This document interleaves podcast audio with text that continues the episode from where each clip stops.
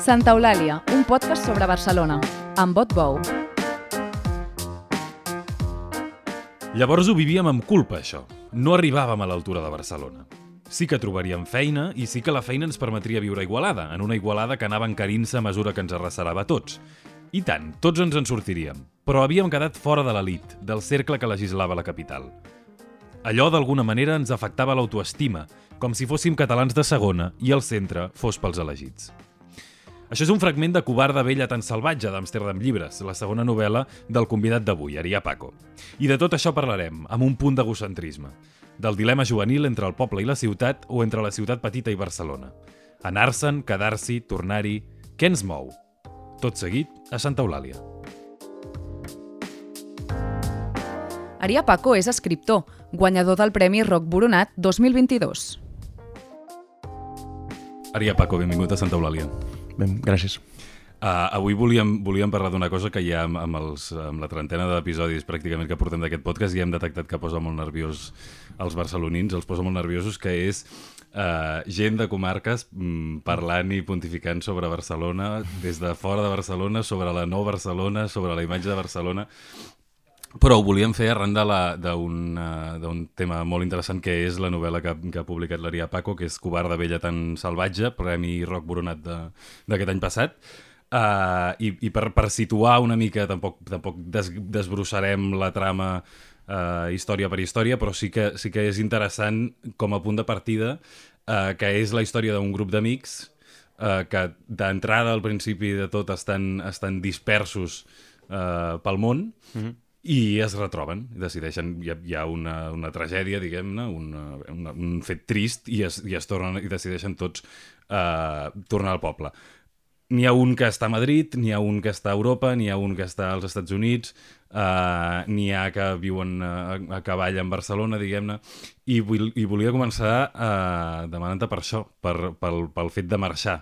Uh, i, I a tu com a igualadí que has viscut l'experiència, quina, quina part mm. d'aquest fet de marxar et va, et va animar a escriure sobre el tema? Sí, de fet, o sigui, la novel·la, com tu dius, va, va sobre el moment de tornada, no? És a dir, és, són, són tots aquests uh, amics dispersos que es retroben, però en el fons, si mires la història de la seva vida, és sobretot la història d'haver marxat, o sigui, d'haver compartit l'adolescència, la infància a Igualada, no? I, i haver um, fet, fet somnis els uns al costat dels altres pensant que, que podien, diguem-ne, compartir després un espai vital i a l'hora de la veritat, quan, quan es fan grans, doncs l'ambició professional o senzillament el, el voler-se'n sortir els, els porta a un lloc o un altre. I això és una cosa que jo he viscut, és a dir, no només a, a, tinc amics que se n'han anat a l'estranger, sinó jo també també vaig haver d'anar i, i encara d'alguna manera estic a cavall amb Arizona fent el, fent el doctorat de filosofia i llavors aquesta, aquesta cosa de marxar bueno, sempre marxar i tornar provoca sempre aquest xoc identitari de, de fins a quin punt part de la,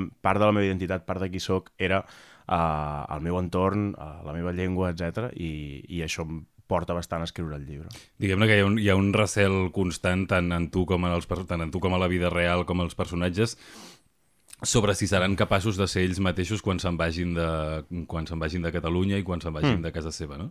Sí, això no sé si fins a quin punt és només perquè jo sóc una persona molt lingüística, però a mi m'ha passat sempre que, que quan, quan parlo en una altra llengua tinc la sensació que tinc una altra personalitat i que no, fins a cert punt sóc una altra persona, és a dir, no, no sóc tan ràpid, no faig la mateixa mena de bromes, estic traduint-me i, i això m'empetiteix Um, I de fet, no sé qui em deia l'altre dia que hi ha aquesta cosa de que les relacions uh, sentimentals de persones que no comparteixen la llengua materna duren més. Sí, tenen menys discussions. Sí, i jo tinc la sensació que, que duren més perquè estan més lluny l'un de l'altre, i llavors hi ha, hi, ha, hi ha menys fricció, senzillament, perquè si, si no estàs en la teva llengua materna no estàs tan, tan tan a la intempèrie o tan, tan despullat. Això també, ara que vius a Barcelona, t'ha passat, de, per exemple, com que al poble hi ha un pòsit comú, hi ha una, hi ha una xarxa d'experiències i de referències més comuna entre tothom, Uh, després, quan vas a la ciutat, et, et, et sents com, uh, com un punt ja, fora de l'aigua. Com si fos una, una altra persona. Sí, o sigui, i això, aquesta mena de reflexions surten bastant a la novel·la, la idea de que la identitat està molt més fixada a un lloc com Igualada, no? Eh, tu, tu directament li has dit poble, ho trobo bé, bé però... ciutat però, mitjana. Sí, sí, sí, però part, part del, que volia, del que volia fer amb la novel·la era dir, eh, tenim l'imaginari rural, tenim l'imaginari urbà, però hi ha aquesta cosa al mig que, que sí que et permet, fins, no sé, fins als 18 anys funciona. Fins als 18 anys tens, tens tot el que sembla que necessitis d'una ciutat, ho tens a Igualada, no? Tens, tens la, vull dir, pots fer festa, tens bars, eh, tens un, un lloc on estudiar, tots plegats i cinc línies a l'institut, vull dir, no, no, no tens aquesta cosa rural. De fet, no, no sabem res de, mm. de les coses que saben la gent de poble, nosaltres. Jo no sé res del camp. I en el, en el teu cas, perquè, quin és el, què és el que et fa saltar a mm. anar-te'n a Barcelona, passar per Barcelona i anar-te'n a Arizona? Suposo que... Bueno, digues, digues. No, no, perquè, dic, no, no, senzillament perquè no és el, perquè no és el salt natural, és que és el salt natural amb molta mm. gent. Bé, la universitat és el que, suposo que no, no soc, vull dir, que deu ser bastant comú, no? que la universitat és el que ens, el que ens porta a Barcelona i, i ens força una mica a, a, a veure com és la vida aquí i, I molts de nosaltres, jo tinc la sensació que a Igualada, molta gent, doncs hauríem passat per la universitat i hauríem tornat a Igualada si poguéssim tornar a la mateixa cosa, no? si poguéssim tornar a un espai en el qual cabem tots, per dir-ho així. I, cap, I quan dic cabem vull dir també que hi cap el nostre futur professional, que hi cap la, la nostra vida sencera. Però, però això, a la que uns comencen a marxar i, i es comença a veure que, que culturalment mm, et quedarà curt Igualada, um, doncs llavors és quan, quan comences a pensar, val, he estat a Barcelona, potser Barcelona és el lloc on m'havia de quedar. Però bueno, en el meu cas, jo el que vaig fer és, és anar-me'n a Arizona per, per interessos acadèmics i, i la novel·la potser surt una mica de donar-me de, de que havia posat per davant de tot això, tipus la, la carrera, per dir-ho així, tot i que en realitat tampoc és que sigui molt ambiciós a nivell de carrera, senzillament és que els meus interessos eh, en el que estava estudiant acadèmicament eren la filosofia política eh, de, la, de la mena que es feia allà, doncs vaig aplicar allà i me vaig anar allà. Però anar-me'n m'adono que, que no he fet bé o, o, o que no havia tingut prou en compte tot, tot els, totes les balances que, que hi ha en joc, o sigui, tot el que estic, mm, tot el que estic renunciant anant-me'n a Arizona. Mhm. La, la cosa aquesta que els hi passa a molts personatges i que t'ha passat a tu també de, de necessitar marxar a l'estranger per sentir que no toques sostre, uh, creus que és una cosa mm, bastant particular d'aquí o que la vivim diferent o, que, o, o què passa? Perquè... Ah, jo, crec, jo crec que és una cosa material de país empobrit, o sigui, és, un, és una d'aquestes coses en les que en les que som diferents de la generació dels nostres pares. Vull dir que, que bueno, crec jo, eh? almenys almenys per on jo he estudiat, mm, el, el, el meu futur com a professor universitari a Barcelona, que sembla que és cap a on estic uh, encaminat, doncs ja uh, s'anticipa bastant precari, no, no tinc gaire clar que sigui cap on he d'anar, etc. No? Mentre que abans era una mica... O sigui, el que, el que podies aspirar era a, a sortir-te'n bé sense haver d'emigrar. I jo crec que, que això és un... Vull dir, de fet, jo crec que en aquest sentit el llibre explica una experiència bastant compartida d'haver-se'n d'anar i jo crec que la, el motiu és material, sobretot. De fet, hi ha, hi ha, un, hi ha un element, eh, hi ha un dilema que expressa un dels personatges quan se'n va en el moment d'anar-se, que és la cosa aquesta de, que, que porta el títol de la novel·la, que és aquest llibre de les, ai, aquest llibre, aquest poema de l'Espriu, mm uh, l'assaig de càntica en el temple, que, es, que diu oh, com sí. m'agradaria allunyar-me en nord enllà, on diuen que la gent és noble, culta, desvetllada i feliç, i, mm. i, i hi ha un dels personatges uh, que diu, al final tu quan, quan tornes te n'adones que la gent no és ni tan noble, ni tan culta, ni tan, des, ni tan desvetllada, ni tan feliç, no? I ja sempre arrossegues sempre aquest dubte. Sí, o sigui, de fet, a mi el poema m'interessava molt com a, com per l'arc que fa, i per això tenia molt clar que, que el volia de títol, encara que fos una mica estrany o que hi hagués qui digués que, que potser no era, no era un, un bon títol per un llibre. Per, però m'agrada perquè té aquesta part d'idealització de, del marxar, però al final, uh, o sigui, al final del poema, um, jo també sóc molt covard i salvatge i estimo a més amb un desesperat dolor a, a aquesta, a aquesta terra, doncs en el fons el que ve a dir és que l'amor farà que, que, no, que no marxi, no? i a mi m'agradava com, com contraposa la idealització de, de les coses són millors a fora amb el fet de que al final l'amor com a cadena irracional eh, t'acaba clavant a, a, a la teva terra. Hi ha, hi ha, hi ha com, una, com una mena de tendència, d'inèrcia eh, rural a dintre de tota la gent que som de comarques, com que, que fins que no...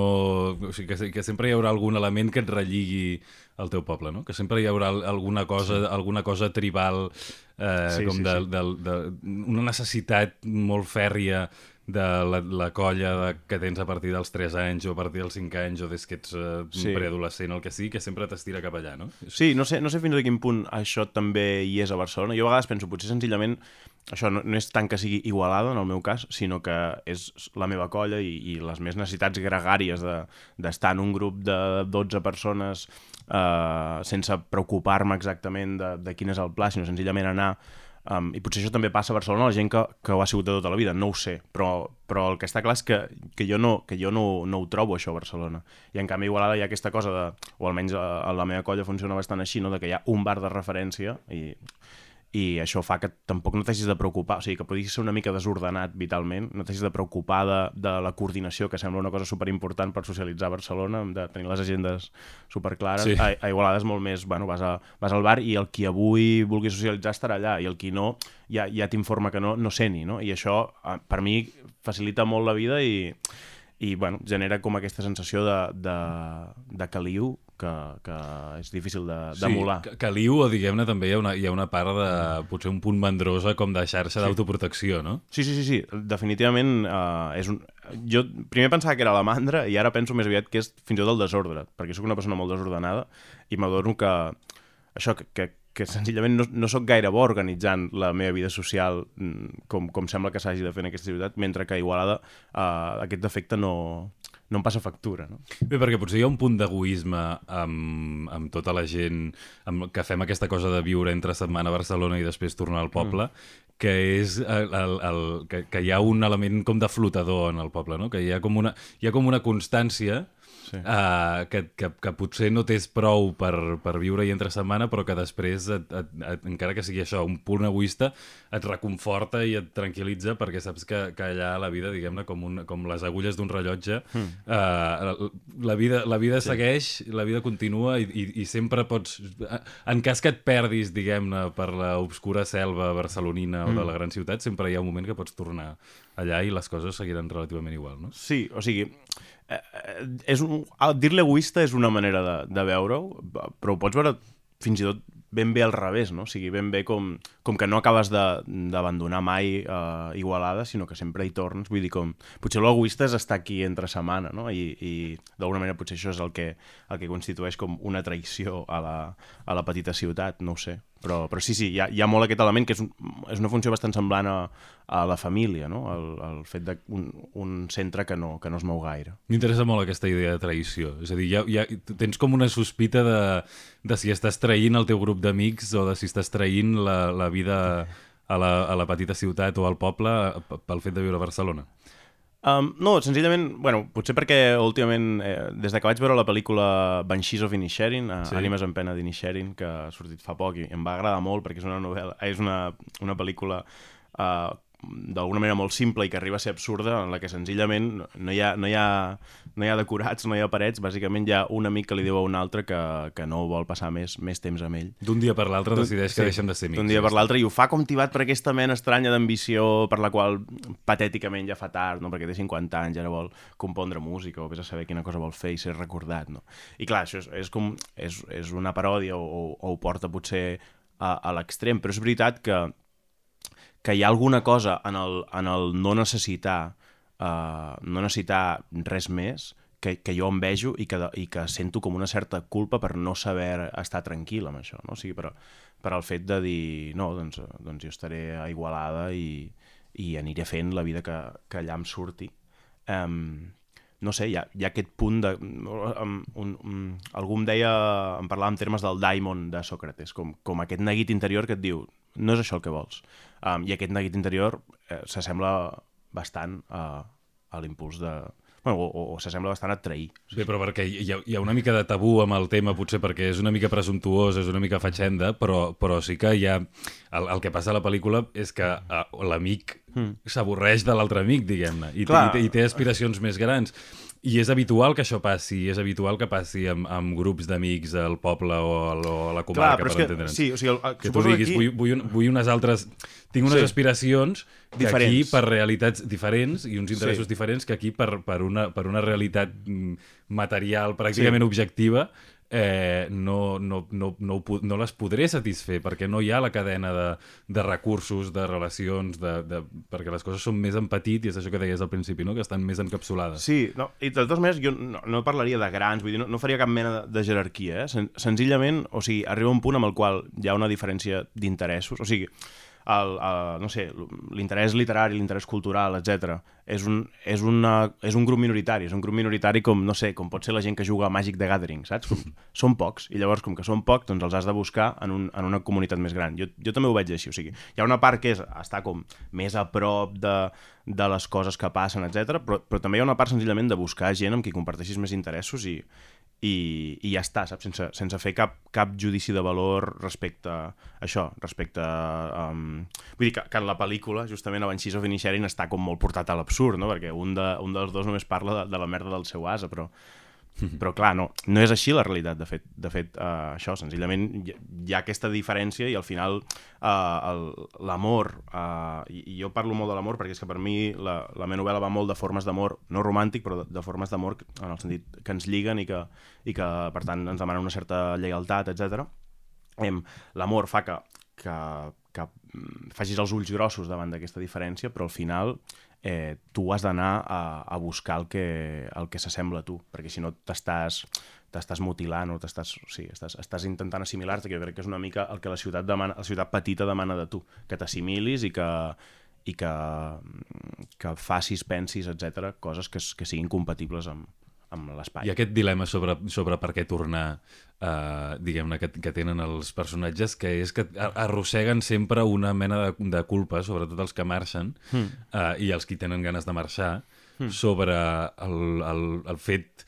O sigui, diguem-ne que la pregunta que els corca és si, si, si volent marxar i tenint aquesta ànsia de marxar no, no els estan dient els que es queden que són una mica fracassats. No? Ho recordo més relacionat amb la cosa familiar. O sigui, per exemple, el, el David, que és el personatge. Al final la novel·la va molt sobre on, on, hi, ha, on hi ha la vida bona, on, quina és la vida que, que és valuosa viure i cada personatge té una resposta diferent, que això crec que també és bastant així a la vida, no? però, però a mi m'interessava que tots discutissin perquè jo en, en, els entenc una mica tots. I el David, és, que és el, el, el personatge que primer torna i que fa com una mena de canvi de vida, no? perquè ell estava, diguem-ne, fent pel·lícules i, i mor el seu pare i llavors ell decideix agafar el bar del seu pare, és a dir, fa un canvi, deixa de banda el camí aquest de l'èxit i, i torna a la petita ciutat a ser fidel a la seva petita comunitat. Um, el David, sobretot, m'interessava com que se sentia traïdor a, a, a lo familiar, sobretot, no? La cosa aquesta de com sembla que li estigui dient als meus pares que, que, la, que la seva vida no és prou per mi, que jo vull alguna cosa diferent diferent d'ells. I aquesta mena d'abandonament sí, sí que crec que és una pulsió molt central i, i en el fons és el que, és el que tira endavant la novel·la, no? perquè el fet que ell hagi fet aquest canvi, els altres ho interpreten d'una manera patològica. És a dir, els altres diuen... Eh, li ha, no li, està passant no bé està el dol. Bé, no està bé, perquè el que ara decideixi portar un bar quan estava fent pel·lícules és que no està bé. I, i el David sí que està bé. Senzillament, eh, ell ha fet un canvi ètic en el sentit aquest de, de, de forma de vida. És que és la cosa temptadora d'això de deixar-te endur com per, per l'ambició urbana, no? que després és difícil sentimentalment no viure com un retrocés el, el fet de tornar, de vegades. Ja, no ho sé, és que jo... La, o sigui, l'ambició urbana... Fins a cert punt vinc aquí una mica a investigar literàriament què és el que mou la gent aquí. O sigui, perquè Aquí ambició vols dir, de què? Aquí vols dir a Barcelona. Sí, perquè ambició de què? Perquè en cert sentit aquí jo visc molt pitjor del que podria viure a Igualada. És a dir, és que estic compartint pis, que és una, és una frase que ens hauria de fer molt mal d'escoltar. O sigui, és que literalment estic vivint amb semidesconeguts compartint la cuina i els espais. Vull dir, això em sembla una... O sigui, em sembla un sacrifici tan fort que, que em pregunto què és el que crida a la gent a venir aquí o a estar aquí malgrat això? I, i tinc la sensació de que això, diem ambició com, no? com una paraula una mica abstracta, però en el fons sembla com que sigui una mena de ficció compartida, una mena d'il·lusió de que aquí darrere d'alguna columna de Barcelona hi ha alguna cosa molt valuosa que mai trobaràs a Igualada, però aquesta cosa fins a quin punt és una... No és, no sé, una il·lusió narcisista... O, o un acomplexament, també. Sí, sí, sí, una, exacte, com una, una sensació de he d'estar al centre, però no sé ben bé ni al centre de què ni per què hi ha d'estar, no? Vull dir, no sé, no sé si ambició és una paraula que, que ens farà riure d'aquí d'aquí uns anys quan, quan, quan ens escoltem, no sé. Bé, però digue-li ambició, digue-li aspiració, per Sí, sí, sí, sí. No, no, sí, sí, vull dir, et segueixo, eh? Només només això que, que, que per dir-ho així, el, el, els preus són informacions embolicades en incentius. I el, el preu del lloguer ara mateix a Barcelona és una informació que et diu molta gent li interessa estar aquí, embolicada amb un incentiu que és, si pots, busca't un altre lloc on estar, perquè aquí eh, et sortirà car, no? I, i això, tot, tot i així, tots no escoltem el, el, el preu, el fet de... la realitat aquesta de que sembla que Barcelona se l'està quedant eh, una altra... Una, una classe social que ve, de fet, d'un altre país amb, amb, més, amb més poder adquisitiu. I llavors, sí, l'aspiració, la, l'ambició...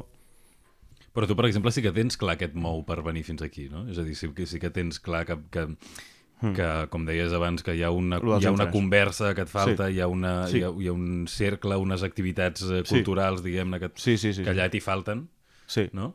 Sí, sí. Però clar, clar, llavors la pregunta a nivell com de coordinació de grups és per què, per què tenim això aquí? Saps? Vull dir, és que és una cosa super absurda i, i no, no, no, i, i segur, segur que, que, que sona que sona absurda, però, però això, et preguntes per què tot el, tot el món cultural està concentrat a la ciutat més inaccessible i on es viu pitjor, bueno, es viu pitjor, on, on és més difícil viure bé de, del país. Um, que, és, que és aquesta cosa de... Suposo que és perquè la cultura ha d'estar prop del poder per, per dir coses interessants, però, però alhora tens la sensació de, no sé, podríem estar a algun altre lloc. Mm -hmm. I, de fet, això també és un altre dels problemes que, que, que, que apareixen molt en les trames, que és aquesta, aquesta mena de relació ambigua que té cadascú en Barcelona, des del, des del poble o des de la ciutat petita, com de que no, no se l'acabarà mai de fer seva, no? Com que, mm -hmm. però, però alhora té una, té una força d'atracció, té una, una força de gravar... Està, estàs massa a prop de Barcelona com per no veure-ho com el pas,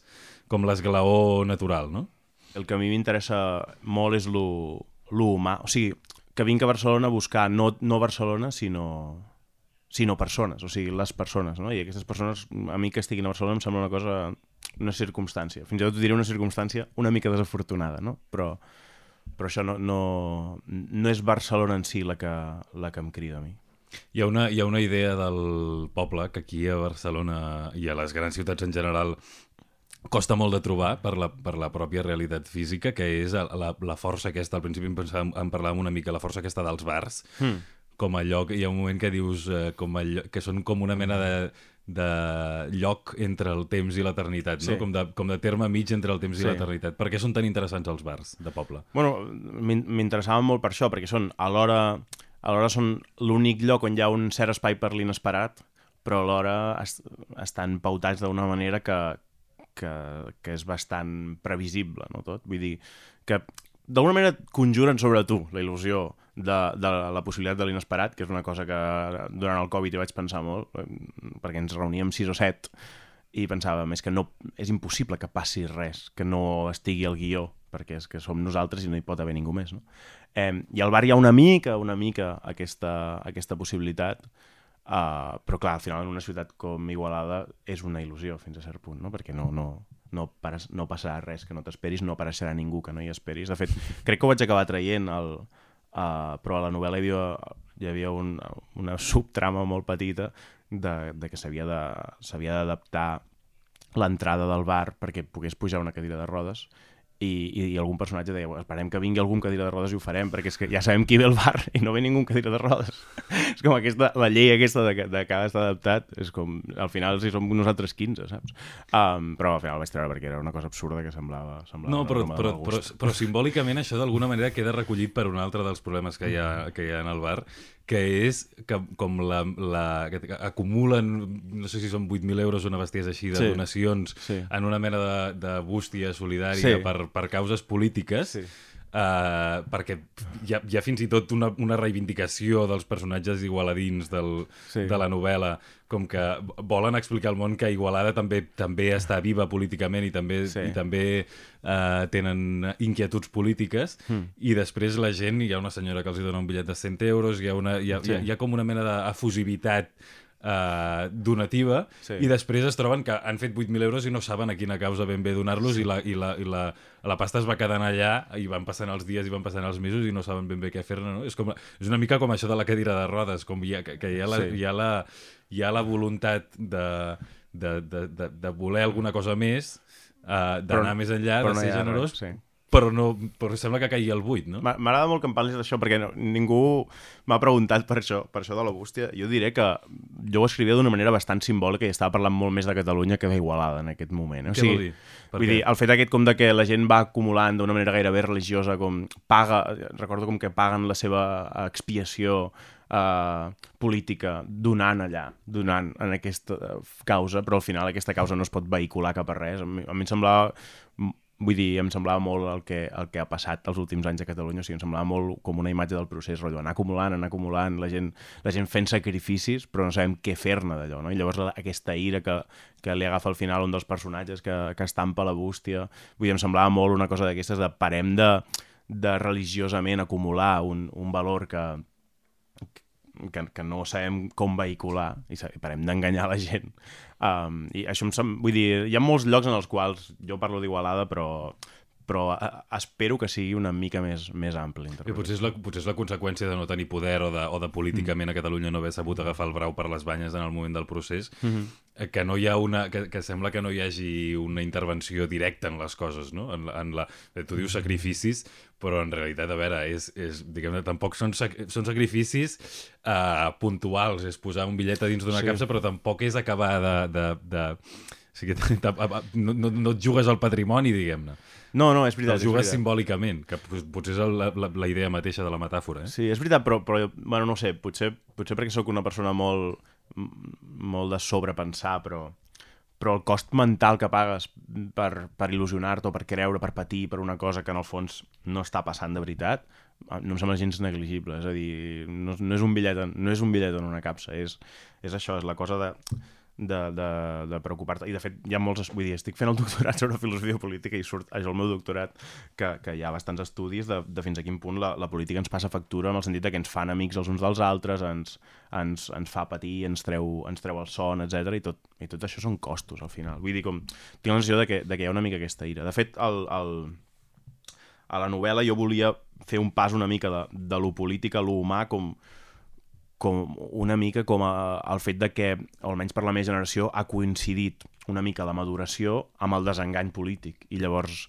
això és que encaixa moltíssim amb, amb, amb l'arc natural de, de la joventut, no? de, de tenir somnis, de farem aquesta cosa, la farem junts i serà una cosa meravellosa, no? una mica a les Detectives Salvajes, que és la novel·la amb la que estava molt emmirallat quan, quan vaig escriure Covard de Vella tan salvatge, mm. és una novel·la molt d'això, de, de farem un moviment literari, serà l'hòstia, i va avançar la novel·la, i van I final anys i anys. més mediocres del que Clar. ens pensàvem, no? Clar, i al final t'adones que l'única cosa valuosa és, és, és el que ells n'hagin tret a nivell de, de això, d'amor, o sigui, el- el- l'amistat, el- la vida, etc.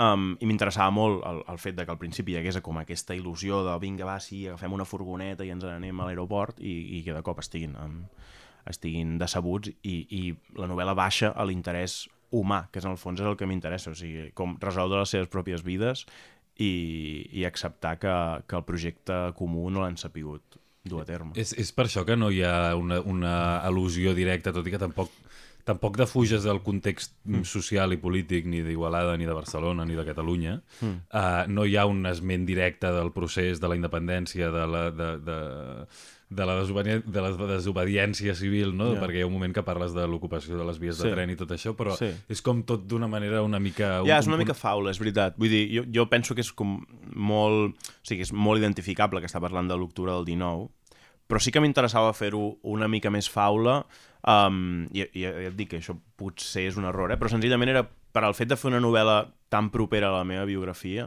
al principi volia deixar clar que això és ficció, no? Llavors, el documental, no, no hi ha tal documental, eh, la revolució és una cosa fabulada, vull dir, perquè Sí, perquè un, suposo que era una mica una pista de lectura de, de no us penseu que estic aquí cronificant la nostra vida, perquè la nostra vida no ha sigut això, uh, per sort, suposo.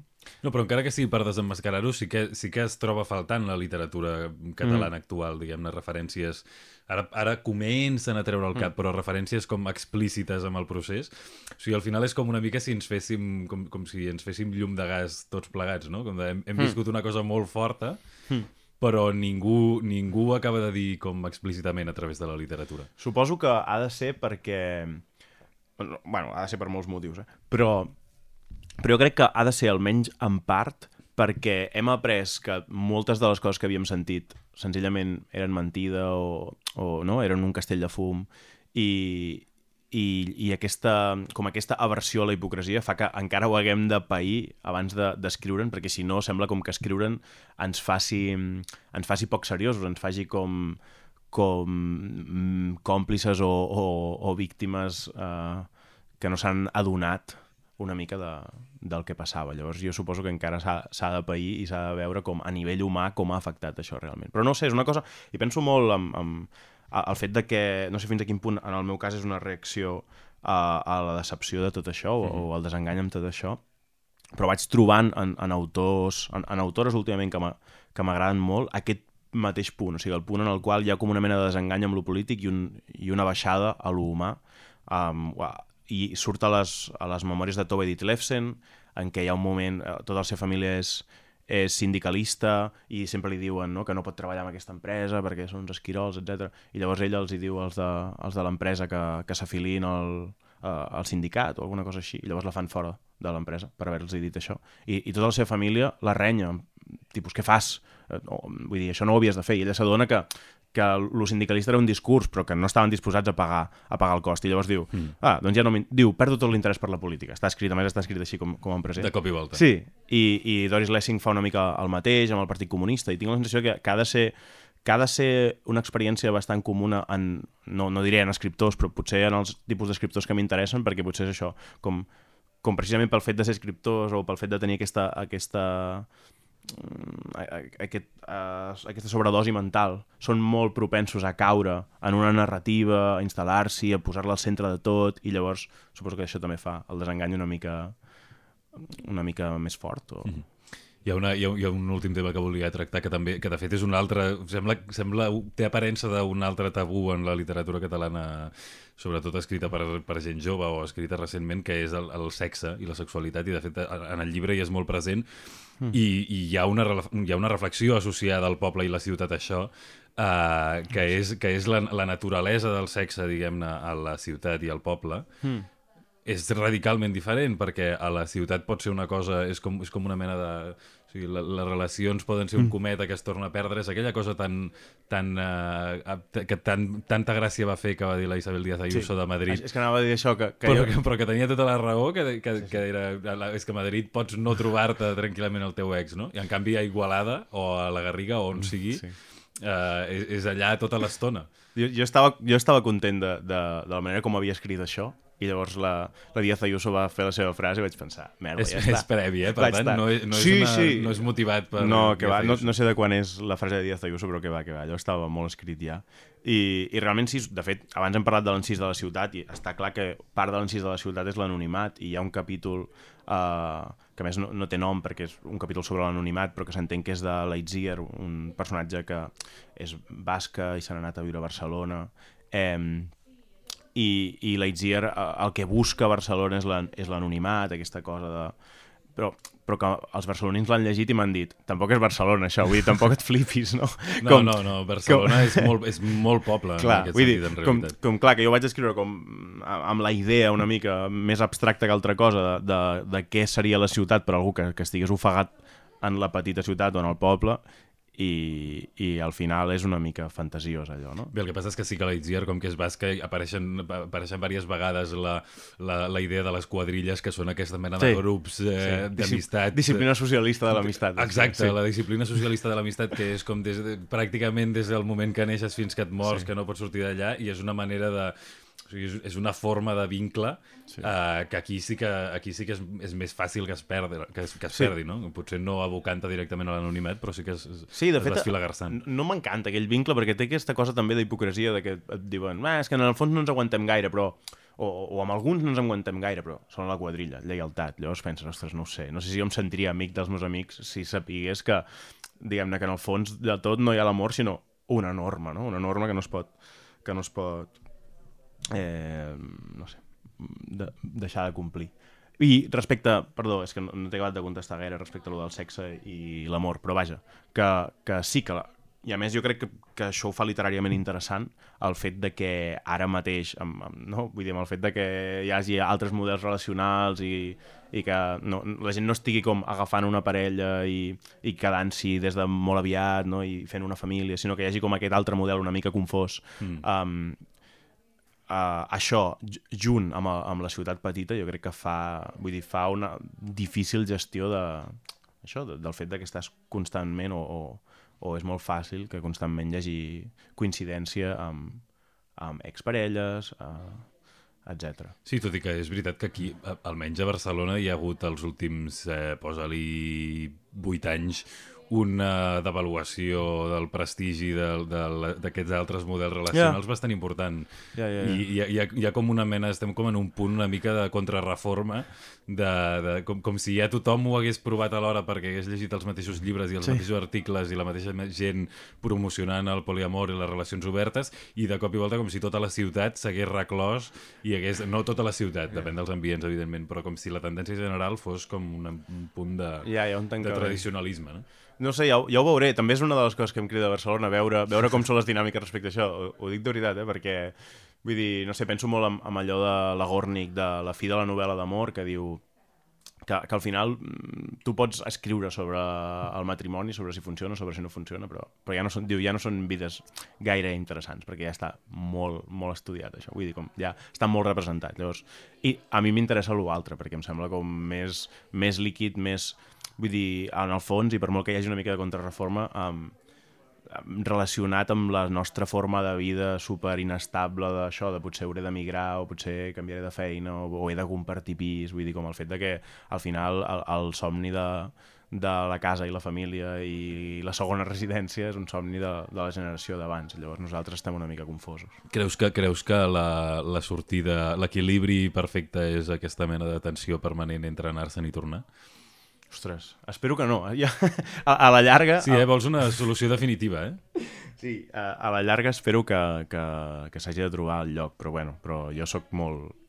Vull dir que, que sóc molt indecis i que, i que segurament sí que hi haurà... Per mi hi haurà sempre molta tensió i, i molta dualitat però confio a la llarga en trobar el meu lloc. Sí. Molt bé, doncs a la recerca del lloc. Aria Paco, moltes gràcies per venir a Santa Eulàlia. A tu. Recordeu que ens podeu fer arribar els vostres comentaris i suggeriments a l'adreça de correu electrònic santaeulalia.vilaweb.cat. I el llibre d'Aria Paco, Covarda Vella tan salvatge, d'Amsterdam Llibres, és a les llibreries des del setembre i va guanyar el Premi Roc Boronat 2022. Santa Eulàlia és un podcast de VilaWeb presentat per Otbou amb Carles Garcia al servei tècnic i a les veus Maria Castanyer.